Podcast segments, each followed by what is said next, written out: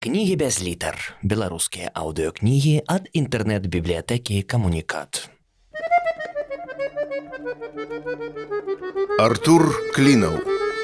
Локісаў. Раман.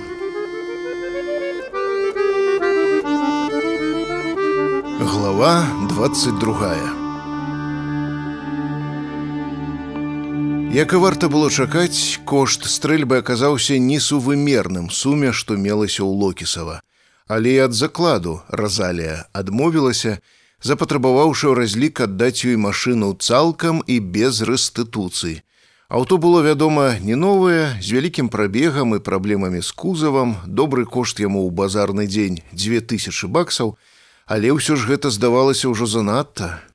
Аднак і выбару у Лукісава не было. Пасля нядоўгіх пярэчанняў ён пагадзіўся, выгандліваўшы дадаткова скрынку патронаў, аплату нумара за апошнія суткі, компас, ліхтарык, гумовыя боты, два батончыкі снікерс, дакладны план інструкцыю куды ісці і на ўсялякі выпадак спальнік. Дамовіліся, што пасля 12 ночы ён спусціцца ўніз і знойдзе ўсё гэта ў загадзя умоўленым месцы. Расцягнуўшыся на ложку, Локісаў разважаў пра ўцёкі. Галоўную небяспеку уяўлялі, вядома, ваўкі. Ён спрабаваў узгадаць, што пра іх ведае і як уратавацца пры сустрэчы, але ў галаву лезла ўсякая лухта, вычытаная ў інтэрнэце. Як недзе ў Якуціі, ваўкі збіліся ў гіганцкую зграю ў 400 галоў і за дзень зжэрлі 30 коней, яшчэ ён прыгадаў скаргу тувінскіх аленегадоўцаў на паляўнічых, якія ваўка правільна абкласці не ўмеюць. Прыязджаюць у тундру як на сафары, пакрасавацца на новых жыпах, пабухаць, пастраляць па рухомых мішэнях, а звер ад гэтага робіцца толькі злейшым і разумнейшым. Таксама ён узгадаў, што нельга глядзець ваўку проста ў вочы, нельга ўцякаць, нельга паказваць страх, а калі сустрэў з граю лепш залезці на дрэва.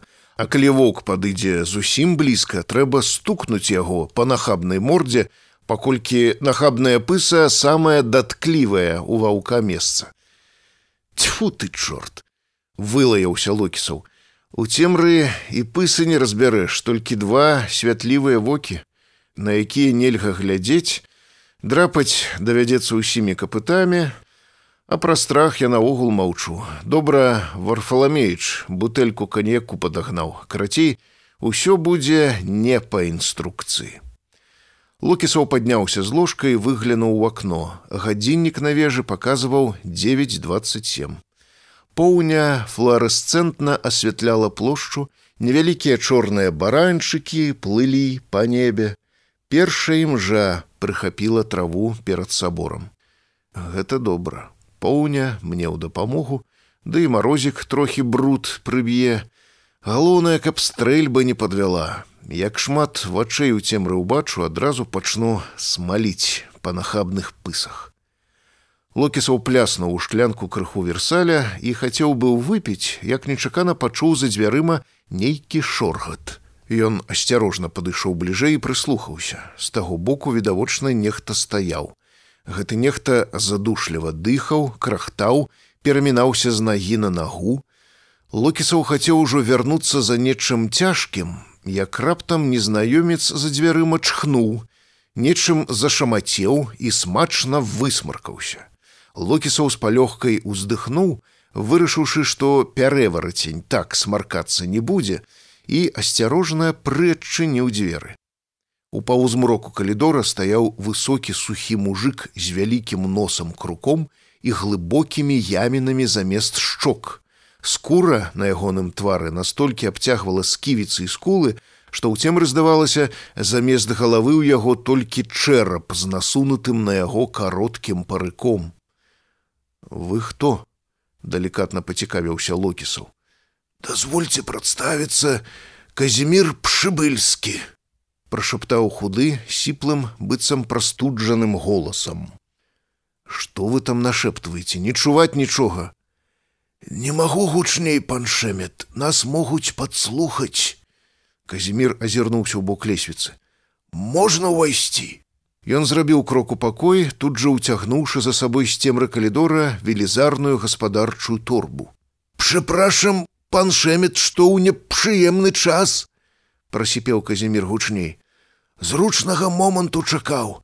Не так латво до пана трапіць, каб ніхто не забачыў. Віжу гэты балбатун Вальдемар у пана пабываў ужо, скурвысын і тут апярэдзіў.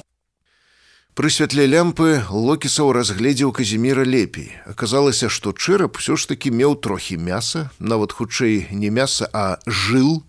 Глыбока пасаджаныя вочы былі нявызначанага шараватага колеру, таму распускаліся ў кантрасных ценях пад эркерамі надброўных дух.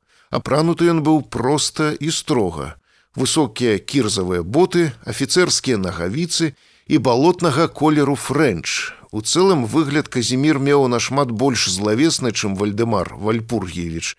І калі б ён не прадставіўся, Лукісаў хутчэй даў бы яму імя Фрэдзі, толькі не кругера, кручкер у гонар вялікага кручкаватага носа. Скажыце, прозвішча ваша гучыць неяк не па-тутэйшаму, вы што паляк? пачаў Локісаў здалёк, спрабуючы ацаніць патэнцыйную небяспеку новага госця. Очевісце, пан Шэмет, нарадзіўся я тут, Але дзядак мой міхаў пшыбыльскі і бабця Яніна кавальска асаднікамі пераехалі сюды ў 22 з коніна па дэмабілізацыі дзядка з войска польскего. Асаднік, О, дзенькі Богу, што пан поляк, праўдзівы, не тутэйшы касцельны, а сапраўдны польскі, узрадаваўся Лукісаў, праўда, зазначыўшы пра сябе, што за два пакаленні жыцця тут нават спраўдзівым палякам можа здарыцца любая мутацыя, але ўсё ж шансы, што пан Локіс значна памяншаліся. Докладне, мы поляцы правдзівыя, каронныя, не мясцовыя, касцельныя. Тыя і па-польску ладнее мовіць не могуць, а толькі карту паляка ім падавай. Так што ж вас сконена, так бы мовіць, з велькапольскі ў такую вон з кадупу занесла спачувальна спытаў локісу. Хто ж пан шэмет втэды мог знаць? То тэрас тудупа а кедысь о бок сталіцы жылі? Вільно было на выцягненцы рэнкі на рынок і ў кінотэатр да вільно ездзілі. Ну тады добра часу няшмат пяройдзем да справы зусім павесяляў локісу. Што у вас там? Кіўнуў ён на гаспадарчую торбу. Казімир зараз жа схіліўся над ёй і грымнуў аб стол падарункавай, зеро-седам пляшкай зуброўкі. О, вось цяпер бачу, што пан Казімір праўдзівы паляк. Пан любіць зуброўку, а тутэйшыя касцельныя палякі не любяць зуброўкі. Болей за тое, па сакрэце пану скажу, тутэйшыя палякі ненавідзяць зуброўку, А ўсё таму, што несапраўдныя, таму піць яе не ўмеюць. І кожны хоць бы раз в жыцці атруціўся зуброўкай, а пасля першага разу ты яе потым усё жыццё на дух не пераносіш. Так і пан жа поляк з недаверам выкаціў з надброўных пячораў шэрыя вочы пшыбыльскі. Продкі пана шэміты, род польскі. Э, не, я зуброўкай таксама адзін раз атруціўся. Таму давайте пані Казімір не блытаць. Хоць і жылі мы ў адным панстве, але Польшча гэта Польшча, а літва гэта іншае. Мае продкі, можа, і размаўлялі па-польску, аднак род наш літоўскі і любіць крупнік. Ну ды добра, што ў вас там яшчэ прызапашанае. Казімір выцягнуў з торбы тушку цалкам запечанай курцы, кольцо пальцам пханай кілбасы, слоек марнаваных грыбкоў і бохан хатняга хлеба. О, а вось за гэта дзенькую задаволена пацёр далоні локісаў. Пацілкавацца перад дарогай якраз тое, што трэба. А зуброўку забярыце. Шкада змарнуецца. Наступным разам проста добрага бімберу прынясіце. Аднак якая у вас просьба? Казімір зрабіўся яшчэ больш сур'ёзным і ціхім голасам прасіпеў. Разумееце, пане Шэмет, я ўжо шмат гадоў загадваю тутэйшай поштай. Паштмайстар, значыць, Докладнее, паштмайстар. О, матка боска, а вас-то за што? Не даў дагаварыць яму локісу. Вы-то што дрэннага людзям зрабілі? О езу, не, ну гэта проста абуральна. Докладне, пане Шэмет, ніц дрэннага людзям не зрабіў. Але колькі год таму паштальёнку нашу, пані броню, загрыз скурвысын. Так так, дзе гэта здарылася? Падродзе на лакаварць. Пошту она да сурвіл несла. Зноў лакаварць. Што ж гэта за месца такое? Месца там гіблае, як вам, пану шэміту не ведаць. Локісаву вельмі захацелася спытаць Казіміра, што такое ён, як шэмет павінен пра лакаварць ведаць. Але з засцярогі толькі згодна кіўнуў у адказ. Так, ведаю, ведаю, бываў, бываў. Вас, пане шэмет, двуга ў нашых краёх не было, працягваў Казімир. Без вас тут зусім распусціліся. На вас уся надзея, што пожондак тут навядзеце. Навядзем, пане Казімир, навядзем, Я ўжо гэтым шельмам задам. Локісаў не стрымаўся, адарваў ад курыцы апетытную нагу з хрусткай скуркай і пачаў прагна есці. Толькі ўсё роўна не магу зразумець брыгадзіра жэса і хіміцу альберціну ясна за што. А гэтая ваша пані броня, што людзям дрэннага зрабіла. Вось то і мне больш за ўсё непокоіт, але ёсць пане шэмет едно тлумачэнне.